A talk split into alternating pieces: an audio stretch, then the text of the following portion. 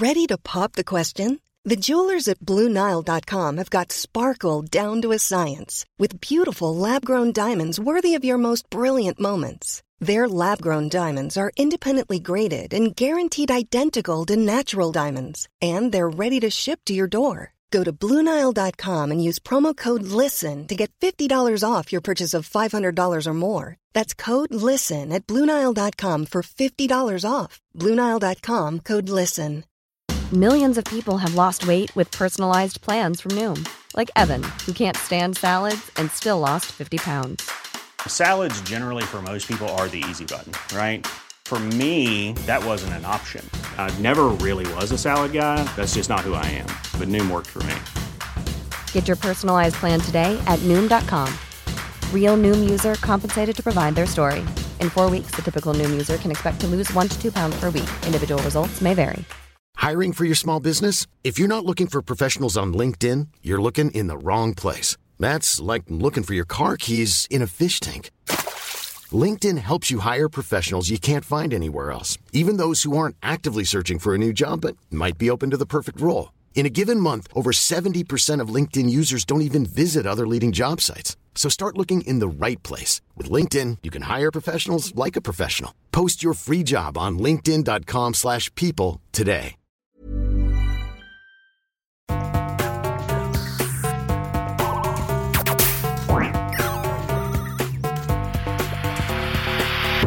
Jeg heter Sondre Risom Livrød. Jeg er psykolog, og dette er Webpsykologens podkast. Hverdagspsykologi for fagfolk og folk flest.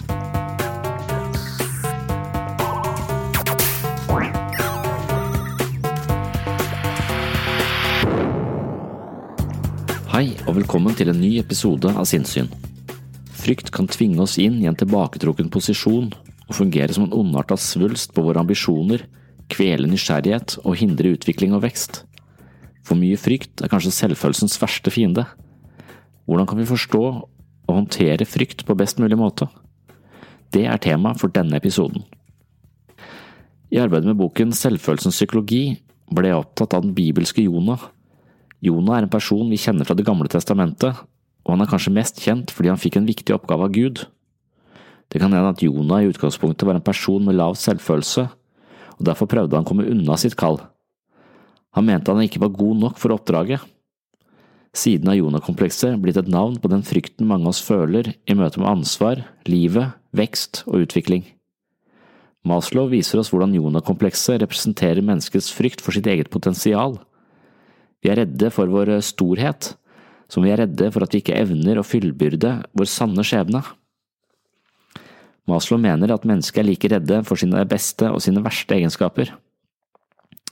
Det kan virke som vi er redde for å ha en misjon i livet, som om ansvaret vi egentlig har kapasitet til å ta på våre skuldre veier så tungt at vi helst vil unngå det, og dermed velger vi en annen vei og en tilfeldig jobb for å overleve, ikke for å realisere vårt virkelige potensial.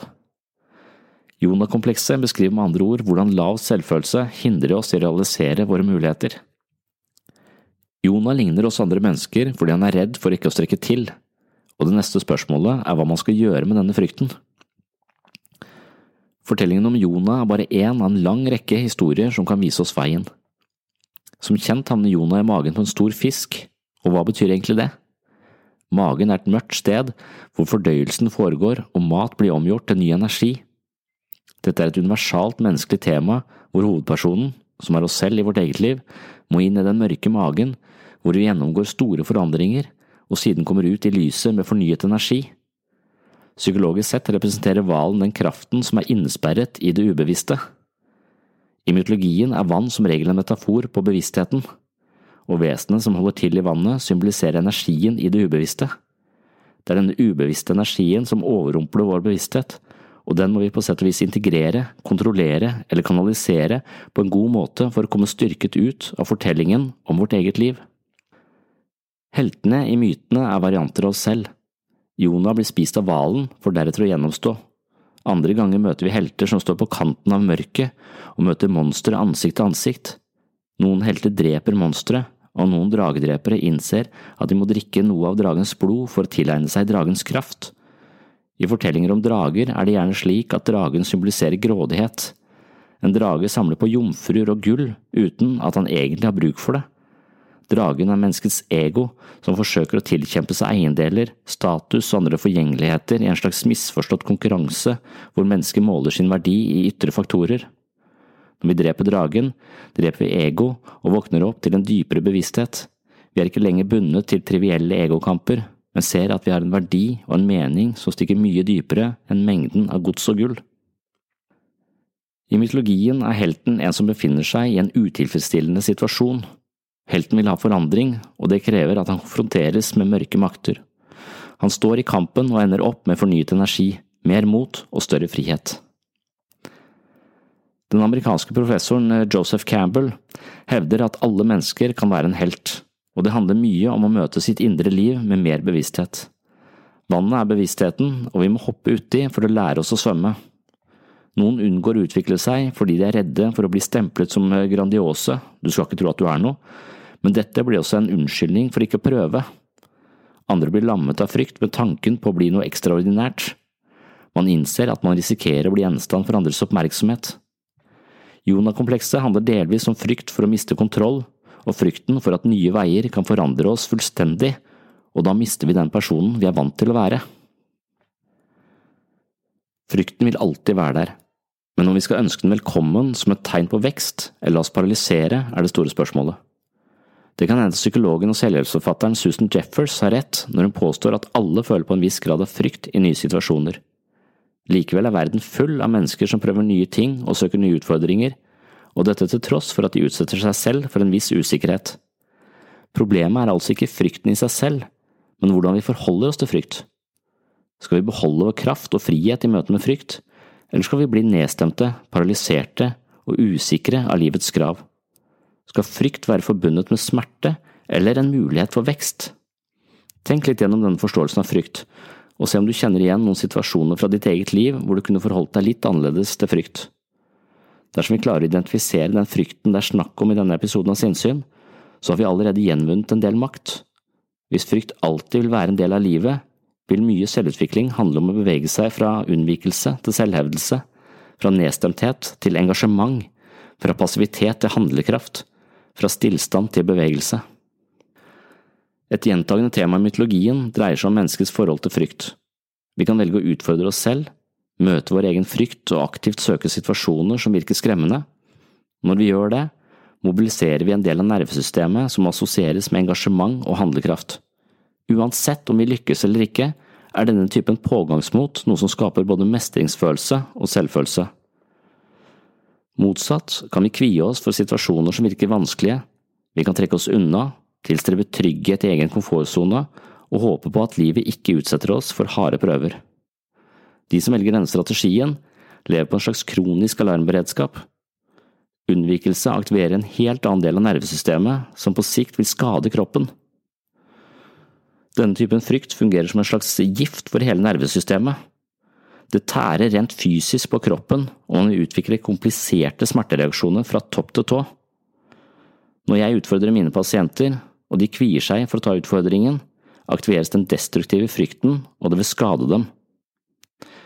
De som derimot velger å ta utfordringene, møte de med mot og standhaftighet, vil oppleve mestring uansett om de lykkes eller ikke. Disse temaene er hentet fra boken Selvfølelsens psykologi, som jeg ga i 2016. Tematikken står også sentralt i oppfølgeren som heter Jeg, meg selv og selvbildet fra 2017. Dersom du ønsker å fordype deg mer i fryktens mange ansikter, teste ut ulike øvelser og få mer innblikk i hvordan frykt påvirker vår selvfølelse, håper jeg at du klikker deg inn på webpsykologen.no og kjøper bøkene. Nå tar vi turen til en øy utenfor Kragerø. Jeg besøkte Skåtøy, og her snakket jeg litt om frykt.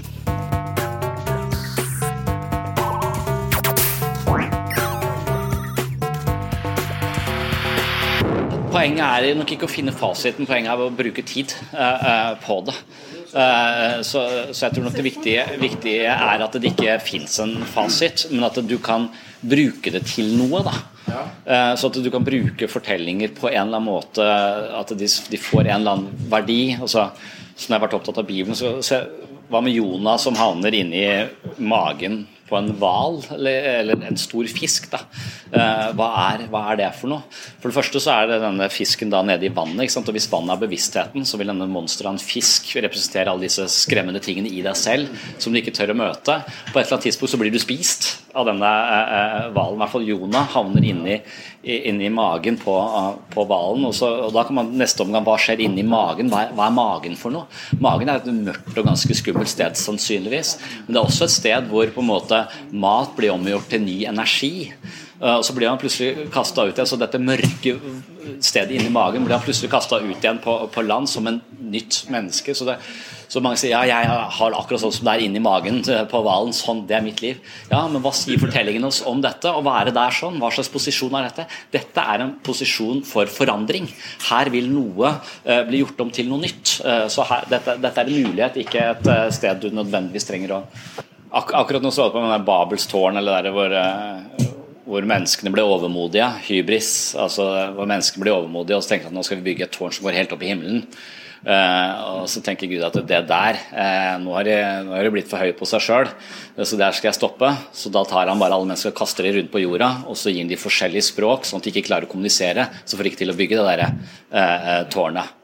Og, og, det er jo en sånn typisk straff som denne litt strenge guden i Det gamle testamentet driver med. Eh, men hva betyr, det, hva betyr den historien? Liksom? Betyr det at eh, hovmod står for fall, eh, kanskje? Er det relevant i vår tid? Og Hvis man er litt sånn interessert En del av den, det jeg holdt på å skrive om, er jo egentlig kunstig intelligens også. Hva, hva skjer nå med all den teknologien som, som kommer? Og Da er det spørsmål kan vi vi, vil, vi, får hele tiden smartere maskiner. De er foreløpig veldig spesialiserte. De kan slås i sjakk. Vi kan aldri vinne over de sjakk lenger.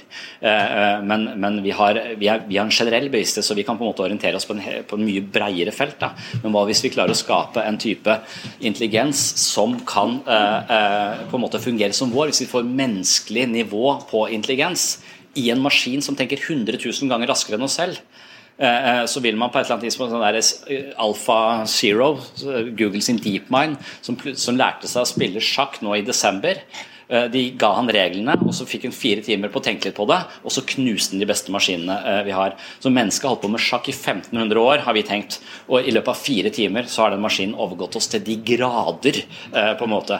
Og hvis du da får en menneskelig nivå av intelligens, som vi da har skapt, så har vi skapt noe som er smartere enn oss sjøl.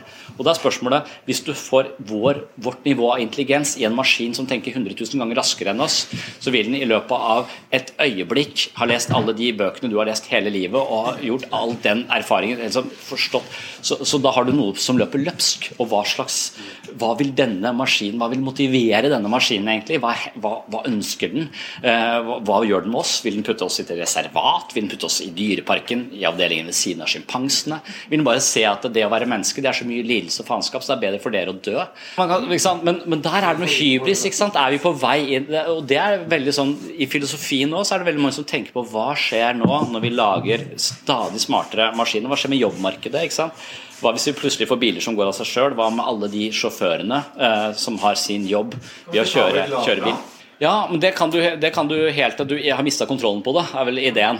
Så Det som kalles singularitet, er det momentet hvor maskinen er like smart som deg, men det vil den bare være et brøkdel av sekund, for det er 100 000 ganger raskere enn deg. Så boff, så tror jeg den har på en måte kontroll på laderen sine sjøl. Uh, uh, ja, så, så, det er det vi bør passe oss for. Det, dette kan være science fiction. På en måte så er det, det, det tenkes seriøst på dette. Ikke sant? Uh, så så, så, disse fortellingene er kanskje noe Kanskje vi skal være litt Skal vi ha biler som går av seg sjøl? Vil, vil, mennesker da bare sitte og Alle de som jobber i, i denne bransjen, hva skjer eh, med de? Dere som skal få folk ut i jobb. De, hvis du ser Homo Deus og han Harari eh, han, han har lagd en liste over hvilke jobber som er på vei ut, og hvilke jobber som utryddes. Eh, og det er ganske mange. Eh, og er det så bra for oss at eh, vi lager Vi er hele tiden opptatt av å lage ting som blir enklere og mer effektivt. Men på et eller annet tidspunkt så har vi utrangert oss selv.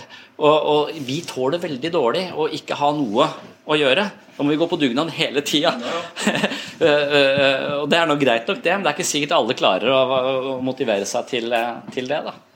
Så det, Hæ? Lar det seg stoppe? Nei, Det viser jo eh, historien til hver gang vi får til noe, så slutter vi ikke å bruke det. på en måte. Eh, Så, så hvis, det, hvis vi først kommer dit, så, så er det Hvor liksom vi kan oppfinne ting. Nei. Det er først å liksom.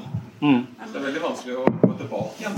Ja. Vi er noe med sikra jobb vi da, som jobber med mennesker.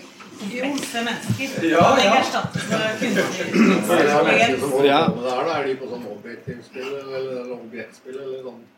De er på vei til en annen planet, det er Elon Musk og sånn. De, de, skal jo, de, på, de flytter ut fra nå.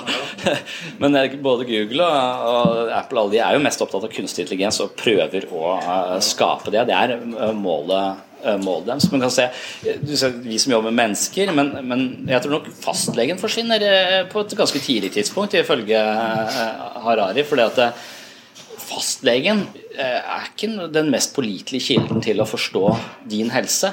Så hvis du går rundt med et sånt armbånd som eh, måler pulsen din, og du har tatt en DNA-test som, som maskinen kjenner alle på en måte DNA-kodene dine, samtidig som den har målt deg de siste ti åra, og den har lest alle medisinske artikler som noensinne er skrevet fra tidenes morgen og fram til det momentet hvor du trenger den hjelpen, så er Google sin Dr. Watson en ganske ganske Sannsynligheten for hvordan han diagnostiserer deg korrekt, er ganske mye større enn eh, at fastlegen din eh, gjør det. Min fastlege er 70 år, har høreapparat og ser dårlig. Eh, så, så og, ofte så er det sånn at du får liksom, i hvert fall hvis du kommer til psykolog, får du den behandlingen som reflekterer det siste kurset den psykologen har vært på. Eller den, det legen har. Så, så jeg tror nok det er en del av de eh, de tingene der og innenfor medisin som vil bli overtatt av andre. Når jeg snakket med han der som jeg snakket med han som er oppe på natta, så spurte jeg treff, hvem treffer du i løpet av en dag. Jeg treffer, jeg treffer deg, og så, treffer jeg, og så snakker jeg med Cleverboot. Eh, og Det er en eh, kunstig intelligens eh, som du kan bare gå inn på nett, så kan du snakke med. Hvis du snakker med Cleverboot, så, så spør jeg hvordan, eh, hvordan er disse samtalene. Det er litt sånn som å snakke med deg, sier han. Ja, hva da? Jo, uforutsigbart. Jeg vet ikke hva du kommer til å si neste setning. og sånn var det med denne roboten, eh, roboten også på nett, som du kan, eh, kan snakke med. Eh, og den lærer jo av andre samtalene sine, så den vil hele tiden bli bedre på å holde samtaler i gang. For den lærer ca. 1 million samtaler i, om dagen, ikke sant? så den, den har mye, mye erfaring. Og jeg husker Microsoft slapp en sånn eh, robot som het Tai, tror jeg, noe sånt nå, eh, på nett. Eh, og den skulle snakke med ungdom i 18 til 24 år. Men i løpet av ett døgn, fra å være liksom interessert og sånn, så ble den til et nettroll. Så det er jo 95 000 tweets eh, på, på nett i løpet av dette døgnet, hvor han støtta Adolf Hitler, Hitler og Anders Behring Breivik. Så løpet, hvis, du, hvis du lar de lære i kommentarfeltene, så får du ganske nasty roboter. på en måte. Du får det verste av oss. Eh, så ja, skal litt forsiktig med hvem disse robotene lærer, lærer av. Ja. Noe av det som, er, eh, som jeg tror kan være viktig å forstå øverst til venstre, er dette med fryktmekanismene. Eh, som jeg så vidt nevnte, nevnte i stad. Fordi at Hvis vi ikke har et bevisst forhold til hvordan mennesker opplever frykt, eh, så tror jeg ofte de vil misforstå sin egen, eh, sin egen frykt. Eh, og når man har jobbet med barn, eh, eksempel, så ser man at barn Eh, Ifølge alle utviklingspsykologiske teorier så vil barn gå fra et stadie til et nytt et hele tiden. Uh, og det vil si at det, men barna har jo, Vi er jo en biologi som på en måte drar oss gjennom ulike utviklingstrinn. og Piaget har beskrevet det, Freud har beskrevet det.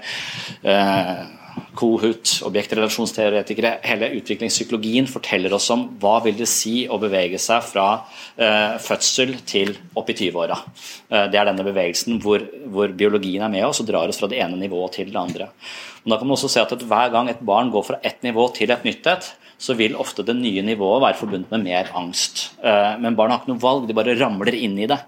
Så når jeg sitter eh, jobba i ABUB, så har jeg sett at eh, jenter er sånn eh, 12-13 år eh, gamle eller et eller annet sånt, gutter også for så vidt, men av en eller annen grunn mest jenter eh, på akkurat det der, så, så slår den sånn gryende metakognisjon inn i bildet. Og Metakognisjon betyr at de begynner å kunne tenke på sin egen tankegang.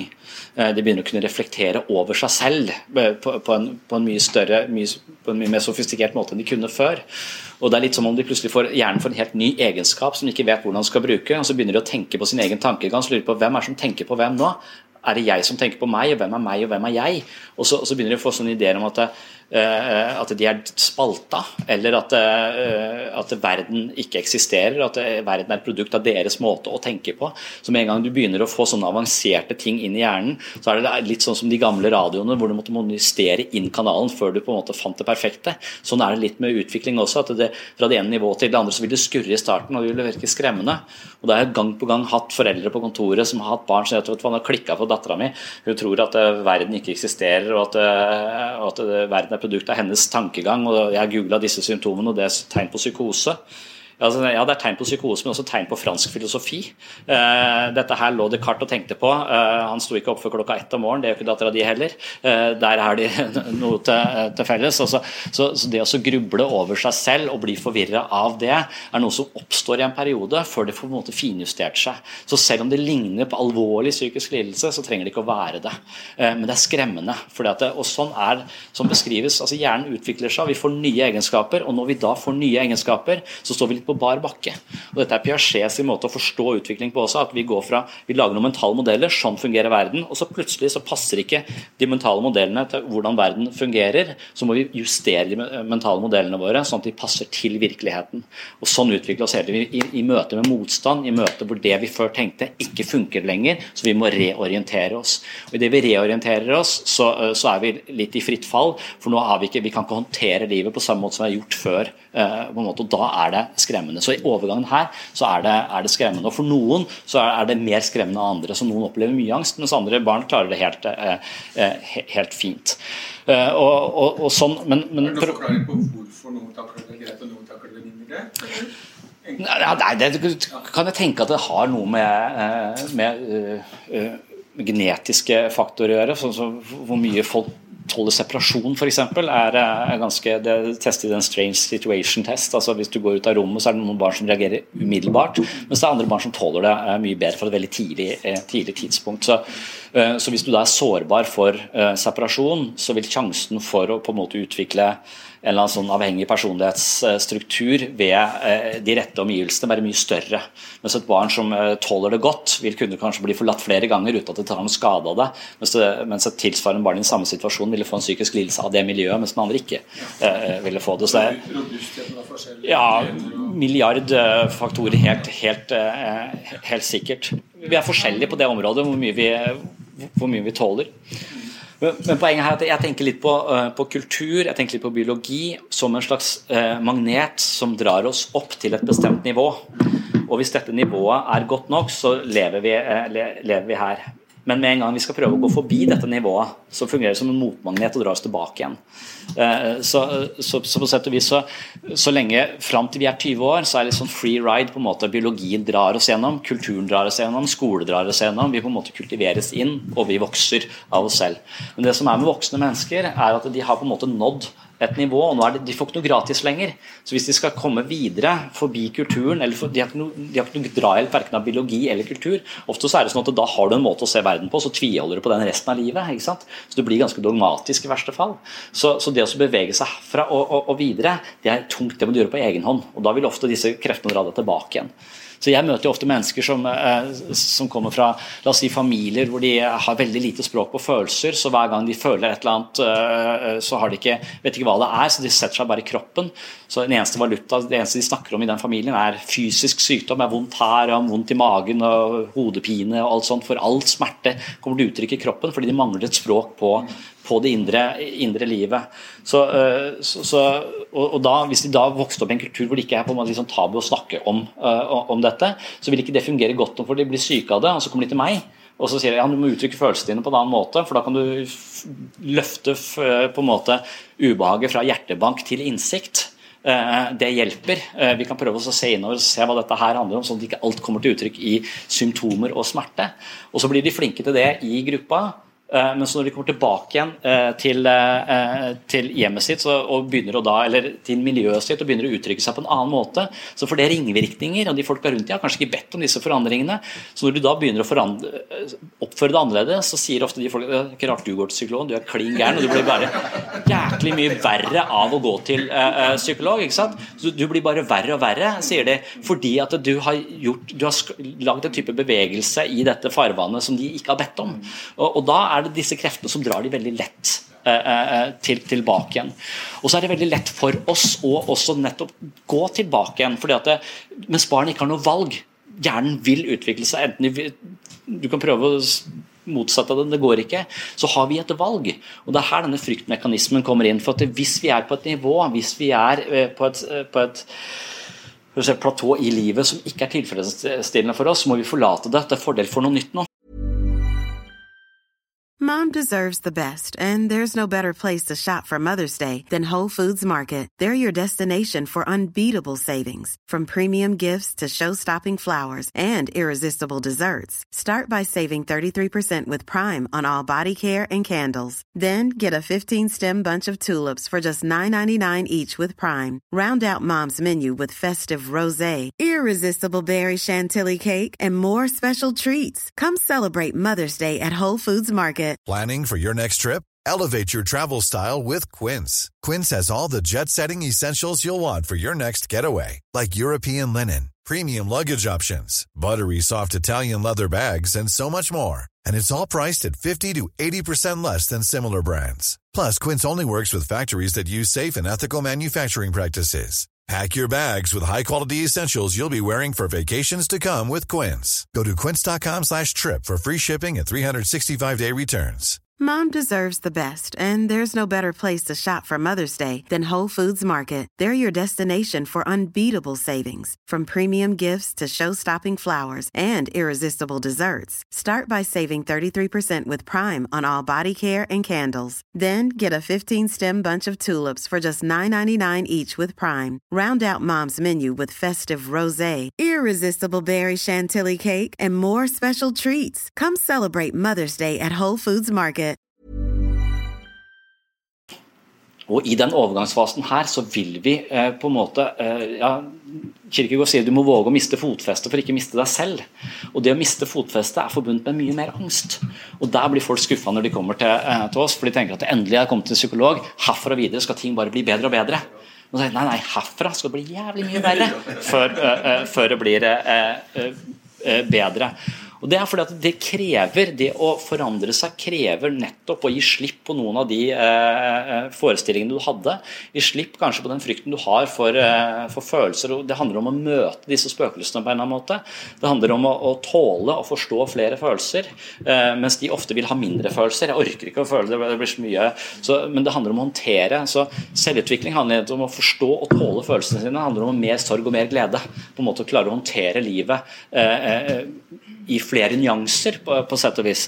Og, og det er en krevende eh, eh, prosess, og det vil gi deg mer angst. Så idet du gir slipp på f.eks. ideen om at eh, jeg er udugelig, til fordel, eh, for, for at du skjønner at den ideen at jeg er udugelig, den har jeg fått fordi at foreldrene mine hele tiden har ment at jeg skal eh, bli det og det, for det er det eneste som er eh, verdifullt. Så når jeg ikke kunne bli lege og har blitt noe annet isteden, så vil jeg alltid komme til å føle meg kronisk uh, uh, utilpass, fordi at jeg på en måte har fått noen ideer og noen verdier som jeg ikke har klart å leve opp til, som ikke har passet meg. Uh, og dermed så har jeg en følelse av at alltid være, være mislykka. Den følelsen er falsk. Den er ikke forankra i virkeligheten på noen måte. Den er bare forankra i operativsystemet ditt, og du må gi slipp på det og tenke på deg selv som en som faktisk eh, kan mestre ting og være vellykka. Og det å gå fra å være mislykka til vellykka er en ekstremt stor overgang. Det krever at du tar mye mer ansvar i eget liv, f.eks. Og det vil gi deg et bedre liv, men det er kjempetungt. Så, eh, så jeg tenker ofte at min oppgave er å se mennesker som bedre enn det de er. De ser seg selv der, mens jeg ser de her. og Da sier jeg at du skjønner ikke hvordan det er å være meg, og så føler de seg misforstått, og så blir de forbanna på meg. Så det er nesten enhver eh, møte med et nytt menneske eh, inneholder en fase hvor de er dypt inderlig forbanna på meg, og med at jeg misforstår eh, forstår de. Ja, jeg, jeg, jeg, jeg syns det er viktig å forstå dette med frykt. For at jeg opplever da veldig mye at mennesker kan da eh, skape endringer i livet sitt, og så er de ikke forberedt på at de endringene gir de ekstremt mye mer smerte i en periode. Eh, så, så sånn, en, han, han, som jeg snakket med i stad, var egentlig bilmekaniker. Han hadde den utdannelsen eh, i bånn. Men eh, så prøvde han seg ut i det yrket, så gikk det tre dager så fikk han vondt i ryggen. Jeg hadde også fått vondt i ryggen hvis jeg hadde prøvd å mekke bil i tre dager. Det, det, handler om omstilling. Kanskje du må ha vondt i ryggen et år før kroppen din lærer seg å venne seg til denne her. Så det å ikke forstå smerte som noe som, eh, som, vi bare da må gjøre noe annet, men klare å stå i smerten, forstå smerten. Jeg tror Det er det som er så, så sentralt. Jeg tror veldig mange av oss og Kanskje det er denne nullvisjonssamfunnet, at vi skal unngå smerte og mest mulig velbehag. Og Hver gang vi snur ryggen til smerte, istedenfor å prøve å forstå smerten og leve smerten, kanskje leve forbi smerten, eh, så blir vi Det er der lidelse kronifiseres. Det er i flukten fra smerten. Det er da, så, så, og, og, spesielt da frykt. altså at du, du, tenker, Hvis du har vært ute av jobb i mer enn to måneder, så er det noen sånn 80% sannsynlighet for at du ikke kommer tilbake. Det er en sånn himmelropende store tall der sånn, som sier at det er vanskelig å komme tilbake igjen. og Da er man rett og slett ganske dårlig, eh, dårlig trent. Og, og, Da vil enhver ny situasjon virke både skremmende, det vil aktivere angst i oss. og masse det der, og det å forstå den angsten da som en slags ledsager til positiv forandring, er viktig, istedenfor å forstå den angsten som at ja, da er vi vel på feil spor. Jeg tror Vi misforstår, vi må avkode hvilken type angst er det det dreier seg om her. Er det en bevegelsesangst som du er nødt til å få hvis du ønsker å komme dit? Nå er du her, men du kan komme dit. Men da må du tåle en ganske lang periode med tilpasning og høy angst. Er du interessert i det? Og, og, men da må du også våge å se på angsten. Du må kjenne på angsten istedenfor bare gjøre ting, bite tennene sammen og så puste ut og grue seg til neste gang. Da lærer du ingenting. Du må være interessert i det som foregår i den kvadranten der. Eh, og du må gi det et språk. Og Det er der jeg tror på en måte vi som jobber med mennesker, kan være med og avkode det. Hvordan skal vi forstå det at du har så utrolig Du sover ikke, nei, du slutter å sove ikke sant? når du skal over jobb. Ja, eh, jeg måtte bare slutte for at jeg mista søvnen av det. Skal vi la disse fysiske faktorene stoppe oss, eller skal vi på en eller annen måte eh, Hvor mye smerte skal vi tåle? Hvor mye smerte er du villig til å investere for å få et bedre liv? Det er det det, det, det dreier seg om, egentlig. Og det, det, er ikke folk så bevisste. Når vi snakker om nå som er lett å forstå, og, og sånn, men jeg opplever at de menneskene møter, er ikke så bevisste.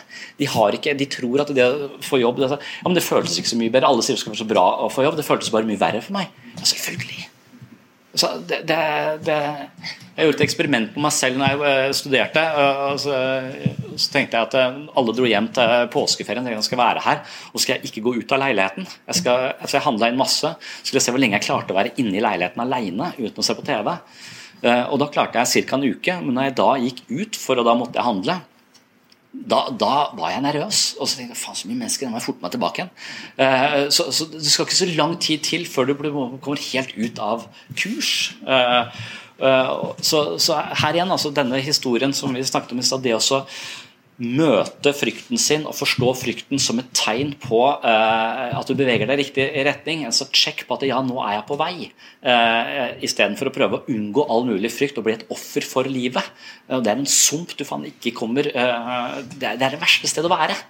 Men det føles som det beste stedet å være, for du har så mye angst, og du vil ikke ha mer av det.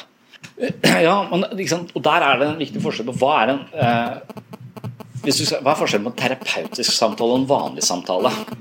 Eh, en vanlig samtale vil ofte eh, Hvis jeg har en venn for eksempel, som har det litt kjipt, så vil jeg bare si nei, men du trenger ikke å tenke sånn, du er jo så flink. Eller, sånn. Jeg vil på en måte bare fjerne den følelsen av kjiphet og så erstatte den med noe annet. Som en slags motiverende eh, bestevenn, kan man si. Sånn Terapeutisk sett så er det litt misforstått. For at hvis, hvis, mennesker skal endre seg, så nytter det ikke at du forteller dem hvordan ting skal henge sammen. Du kan godt du kan ha denne pedagogikken i bånd, vi kan snakke om det. Men så er en terapeutisk samtale handler om å spørre mennesker se innover nå. Hva, hvordan kjenner du denne frykten? Hvor sitter den? Eh, hva er den eh, for noe? Hvor kjenner du den? Hvor ofte kjenner du den? Når kjenner du den? Så du tvinger de til å gå ut av seg selv og beskrive seg selv.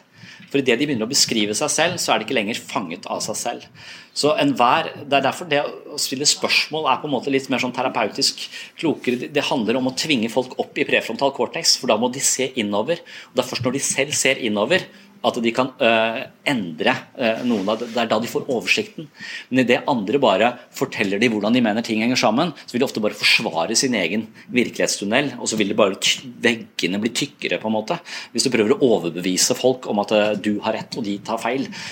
Så hver gang du får en diskusjon med noen, så blir de mer fastlåst. Men hver gang du får en relasjon hvor du har denne innsikten i bånd, kanskje via en biblioterapigruppe de må gå i hver uke, for det er meningsfullt, så kan du kanskje begynne å snakke med dem på den måten. Altså, ja, hvordan ser frykten ut i dag? Beskriv den for meg. Hvordan ser den ut? Kan, et, eh, kan du tegne den? Eller, liksom, folk er veldig forskjellige på hvordan de, hvordan de kan det. Så Hvis du møter folk med sosial angst eksempel, i et sånt uh, uh, selskap, så, så, vil det bare være verre å si at det, nei, men det, ja, ingen tenker på det. Nei, bare, bare prøv. Bare. For da er folk allerede i krig med seg sjøl. De prøver å fjerne den følelsen de har. De prøver å løpe fra det. Mens det eneste måten å komme seg gjennom en sånn situasjon på, er å på en måte møte følelsen, forstå følelsen og på en måte beskrive følelsen. Hvor stor er følelsen, hvilken farge har den? Den typen spørsmål vil få folk til å begynne å beskrive seg selv. Og idet de beskriver seg selv, så er de ikke lenger fanget av seg selv. Det er ikke sikkert hun har angst, ikke sant? hun har bare vondt. hun. Mm. Uh, så, uh, men, men og, og, og, da kan du være og det kan være at det er, for, for alt vi vet, så har hun et eller annet virus et eller annet sted. Så det kan jo være pure uh, der oppe.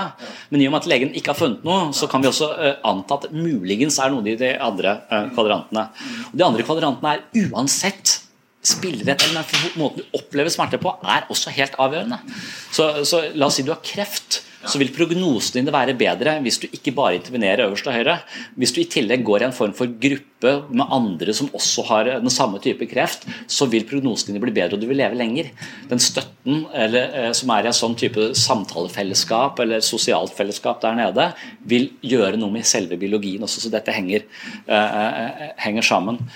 Men, men, mitt eksempel er dette med babysang. jeg vet ikke om dere, eh, Det er noe jeg alltid, alltid snakker om. for det, det så tydelig, Sånn ble det tydelig i mitt, eh, i mitt liv hvordan jeg kan løfte smerte til innsikt. For at jeg ble tvunget til å gå på babysang med dattera mi, eh, som er åtte år nå. da, og Det, det, det var bare helt, helt Ja, det var kleint. Så, så, så jeg jeg skjønte det ikke. Jeg var så pliktoppfyllende fordi jeg har et altfor stort superego. og derfor så så sa jeg ja, det, det er greit. Eh, så, så, jeg stiller opp i Søm kirke med, med bæsjebleier og en baby. Liksom, det var den første, og jeg hadde ikke peiling. Jeg grua meg til å være hjemme alene med henne. Uh, og så skulle vi i tillegg til et sted hvor masse damer satt i ring og nynna.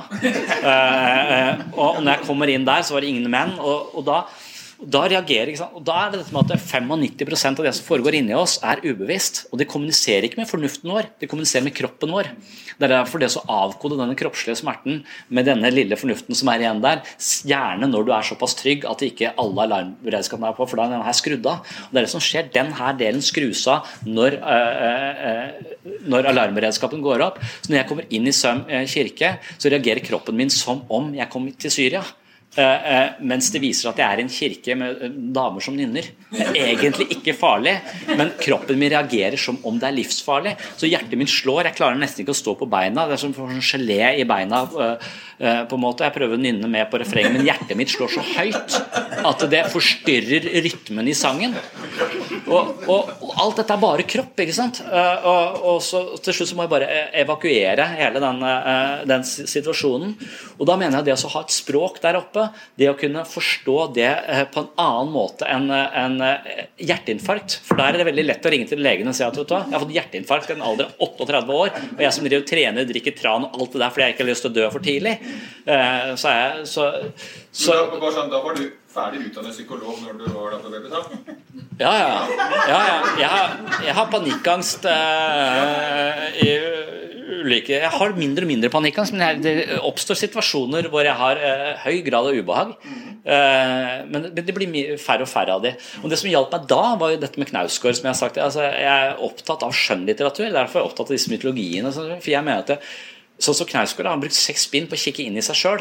Ja. Og han har sett et eller annet der som jeg ikke uh, uh, har sett. Og det er ikke det at jeg liker han, men jeg ligner han litt. Det er litt universelt, noe av de tingene han, uh, han snakker om. Jeg kan kjenne meg igjen i at hvis jeg kommer inn i et rom Uh, på en sånn selskap, og jeg ikke får sagt noe i løpet av de fem første minuttene, så kan jeg være ganske taus hele kvelden. At det er som jeg må ta sats med en gang komme inn i det. Ellers så faller jeg helt utenfor. Det beskriver Knausgård lenge. Og så, ja, sånn kan jeg også ha det litt. Uh, selv om jeg nå snakker veldig mye. Det var fordi jeg begynte å snakke mye med, med, en gang, og det er det jeg skal når jeg er her. Men hvis det hadde vært en sosial setting, så kunne jeg fort blitt eh, forsvunnet i, i taushet. Dausgaard har f.eks. da 15 sider om menn på babysang.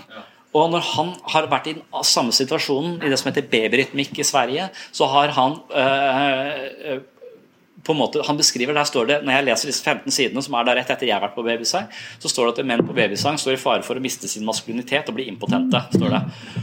Og det er vel disse, alle disse feminine kreftene. så Hvis jeg går til en terapeut og sier at så, så, så vil en sånn freudiansk terapeut si at ja, du er veldig sånn du er, du, du er, du er redd for dine feminine sider, et eller, annet, eller, eller uavklart i din maskulinitet.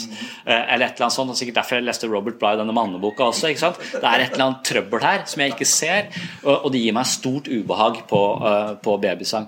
Men idet han gir meg et språk på det, idet jeg kan forstå at ok, jeg er i ferd med å bli impotent der inne, da er det ikke så rart at jeg ble litt stressa.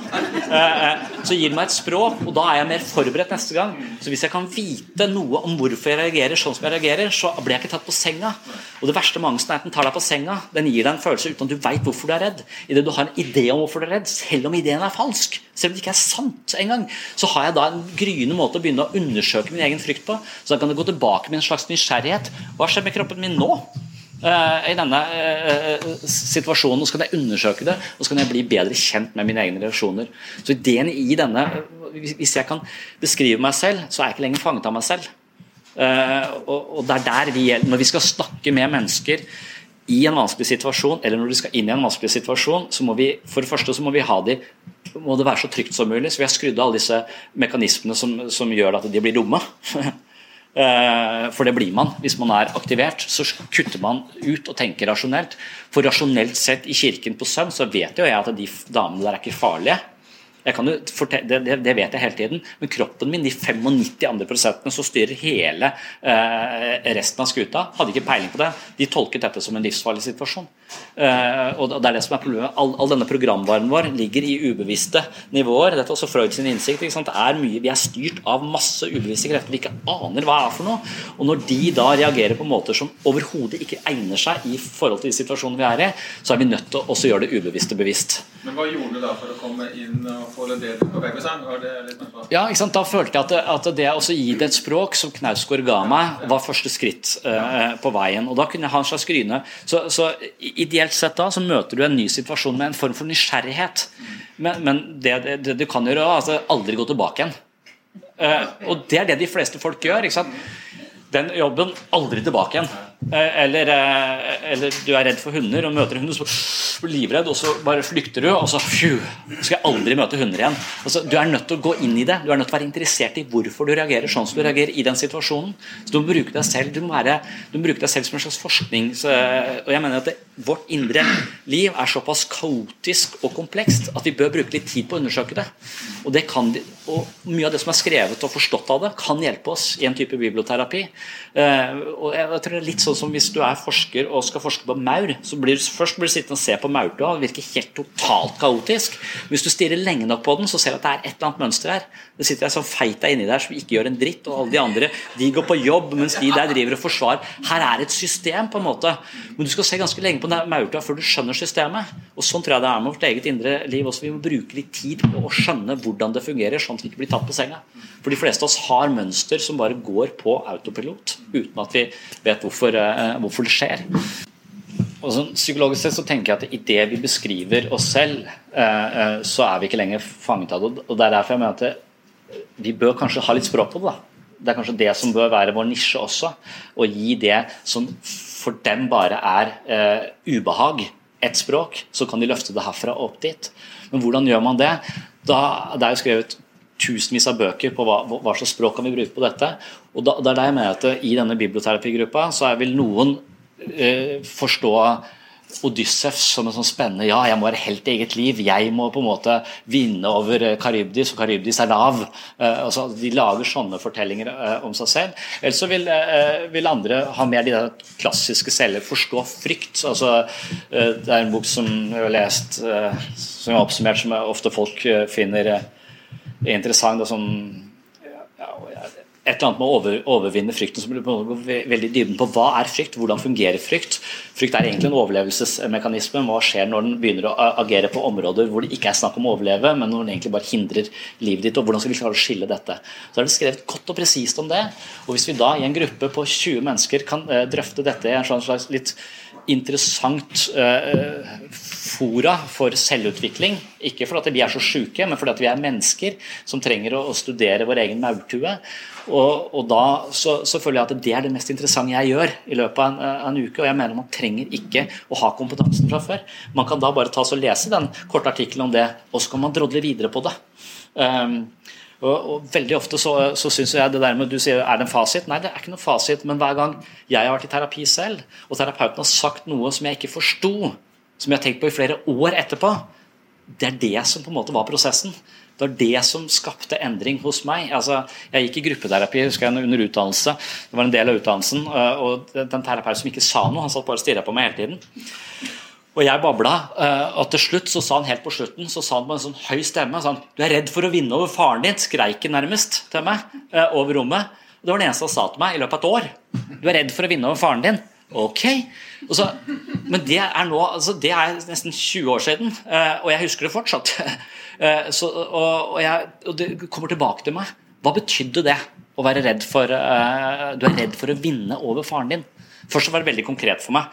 Ja, eh, Når du sier det, så vet jeg at jeg har høyere rating i sjakk enn det han har. Men hver gang jeg spiller mot han, så taper jeg. Selv om jeg burde vunnet åtte av ti.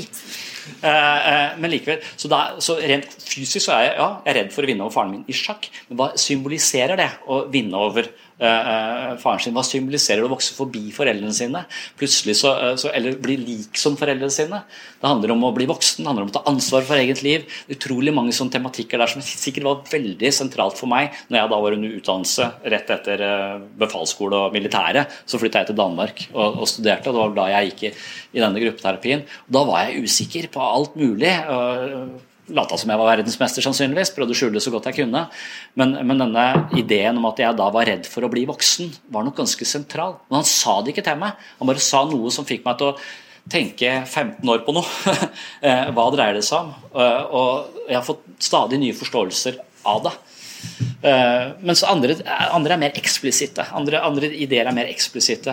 Og jeg syns i en gruppe på 20 mennesker hvor man kan sitte og, og snakke om disse tingene med noe personlig erfaring, men også noe hvordan kan jeg se meg selv inn i denne uh, artikkelen vi leste nå, eller denne TED-talken vi så da, eller denne podkasten vi hørte. Uh, hvordan, hvordan passer det i mitt liv? Så ja, Frykt er ofte sentralt tema der, og det med offerposisjon er sentralt tema. For i en gruppe så vil folk som har en tendens til å være sånn offer for livet Nei, pga. det av det så kan ikke jeg leve livet mitt.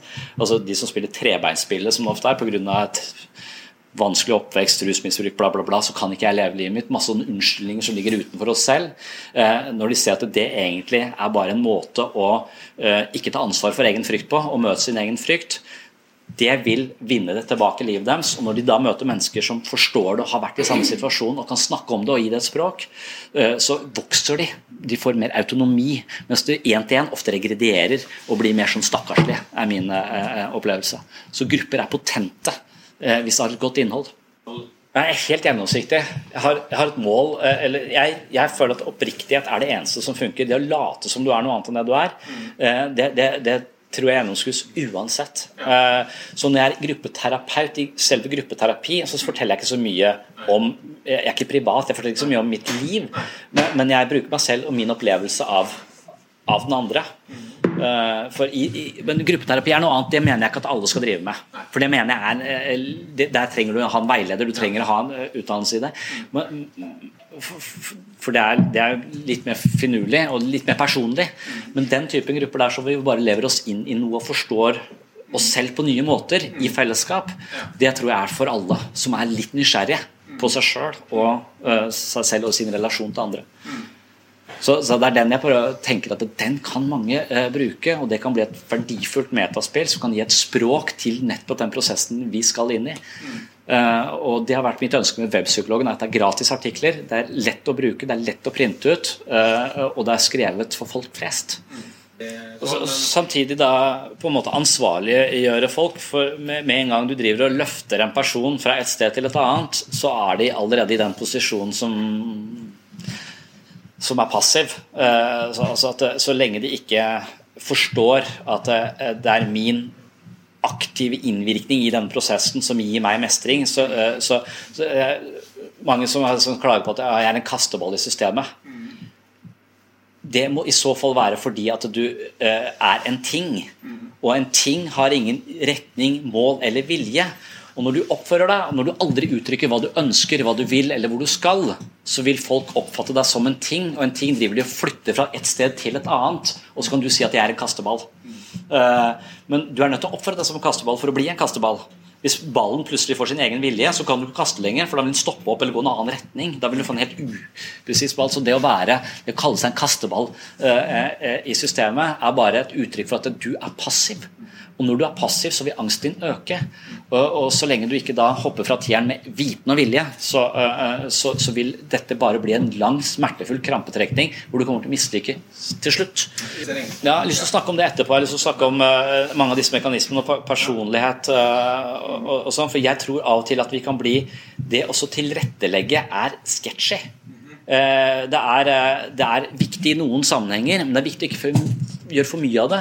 For vi kan bli litt for hjelpekåte, og når vi er hjelpekåte, så overtar vi på en måte for mye i den andres liv. Så vi gjør de hjelpeløse. Hvis vi prøver å tilrettelegge på en arbeidsplass sånn at det blir Pluto lekeland, det er ingen skarpe kanter du kan se deg på her, så lage en virkelighet som de er, de er avhengig av andres velvilje, eh, og de er der litt på nåde, på en måte. Så, så hvis vi skal lykkes, så må vi eh, vi lærer mennesker å tåle skarpe kanter. Eh, og, og, og ikke, ikke, legge for Man kan legge for mye til rette. Så vi må tåle litt tårer? Man må i hvert fall være bevisst om at Hvis at du skal være en person som bare kan leve på Pluto lekeland, mm. så, så, er du ganske begrensa uh, uh, i, i, i, livet ditt. Uh, og Det bruker jeg fordi jeg er så mye på Pluto lekeland. Ikke sant? Fordi jeg er små, små barn. Jeg bare registrerer at det, Her er masse ting å klatre i, men alt er polstra. Helt umulig å skade seg her. Og det er bra for mine barn, for det er så mye på.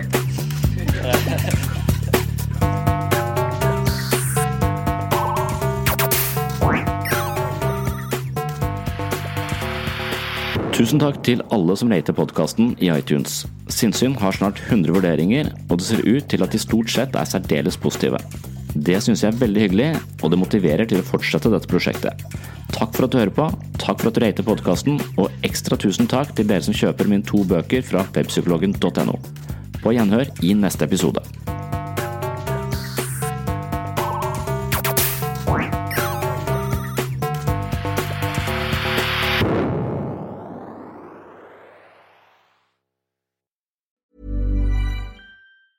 Planning for your next trip? Elevate your travel style with Quince. Quince has all the jet setting essentials you'll want for your next getaway, like European linen, premium luggage options, buttery soft Italian leather bags, and so much more. And is all priced at 50 to 80% less than similar brands. Plus, Quince only works with factories that use safe and ethical manufacturing practices. Pack your bags with high-quality essentials you'll be wearing for vacations to come with Quince. Go to quince.com/pack for free shipping and 365-day returns. Here's a cool fact. A crocodile can't stick out its tongue. Another cool fact, you can get short-term health insurance for a month or just under a year in some states. United Healthcare short-term insurance plans are designed for people who are between jobs, coming off their parents' plan, or turning a side hustle into a full-time gig. Underwritten by Golden Rule Insurance Company, they offer flexible, budget-friendly coverage with access to a nationwide network of doctors and hospitals. Get more cool facts about United Healthcare short-term plans at uh1.com. Planning for your next trip? Elevate your travel style with Quince. Quince has all the jet-setting essentials you'll want for your next getaway, like European linen, premium luggage options, buttery soft Italian leather bags, and so much more. And is all priced at 50 to 80% less than similar brands. Plus, Quince only works with factories that use safe and ethical manufacturing practices. Pack your bags with high-quality essentials you'll be wearing for vacations to come with Quince. Go to quince.com/pack for free shipping and 365-day returns.